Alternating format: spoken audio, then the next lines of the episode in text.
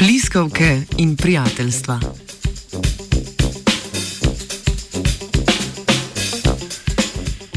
Slovenska raziskovalna skupina je v reviji Marine Biology objavila članek, v katerem so proučevali družbene odnose med delfini vrste Velika pliskavka.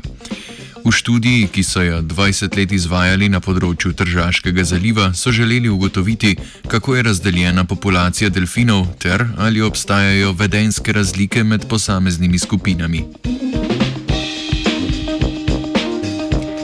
Velike pliskavke, ki jih srečamo tudi v slovenskem morju, spadajo v skupino delfinov.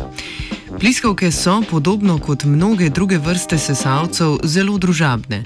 Znotraj populacij tvorijo manjše skupine, ki običajno obsegajo 15 osebkov. Skupino sestavljajo osebki, ki se med seboj povezujejo, lahko bi rekli, da sklepajo prijateljstva. Skupine, ki jih oblikujejo, niso stalne, saj se jim vse čas pridružujejo novi osebki, spet drugi pa odhajajo. Celotna populacija pliskavk je torej med sabo povezana v neke vrste mrežo, saj določeni osebki ohranjajo stike s pripadniki različnih skupin.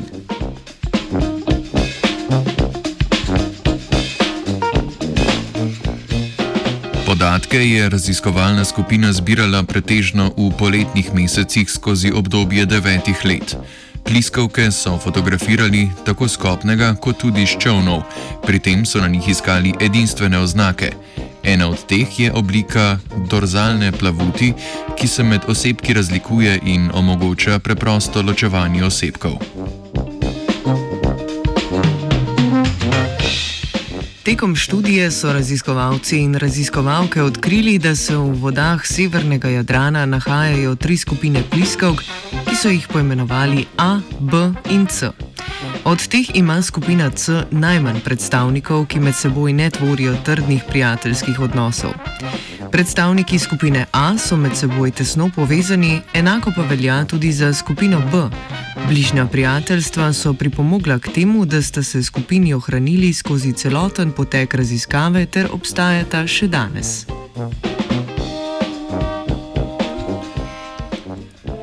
Zanimivo je odkritje, da si vse skupine delijo isti življenjski prostor.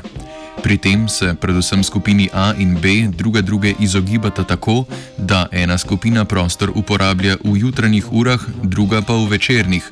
Kot navajajo avtori članka, časovna razdelitev istega teritorija pri delfinih prej še ni bila opažena. Raziskovalna skupina je opazila tudi razlike v vedenju med skupinama A in B. Ena skupina je pogosto sledila ribiškim ladjam s povlečnimi mrežami, medtem ko se druga ni vedla tako. Raziskovalna skupina je zato preverila, ali je takšno vedenje vzrok za časovno delitev teritorija. Ker je ribarjenje s povlečnimi mrežami prisotno tekom celotnega dne, so sklepali, da ribarjenje najverjetneje ne vpliva na nenavadno časovno delitev teritorija. Pojav zato zaenkrat ostaja še nepojasnjen. Raziskava je podala splošen pregled nad socialnimi strukturami pliskavk v slovenskem morju. Za boljše razumevanje njihovega vedenja pa bodo potrebne nadaljne raziskave.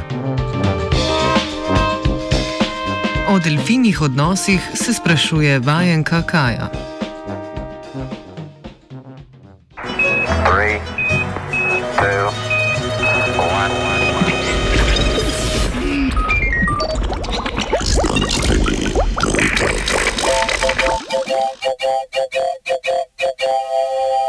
Znanstveniki pred mikrofonom.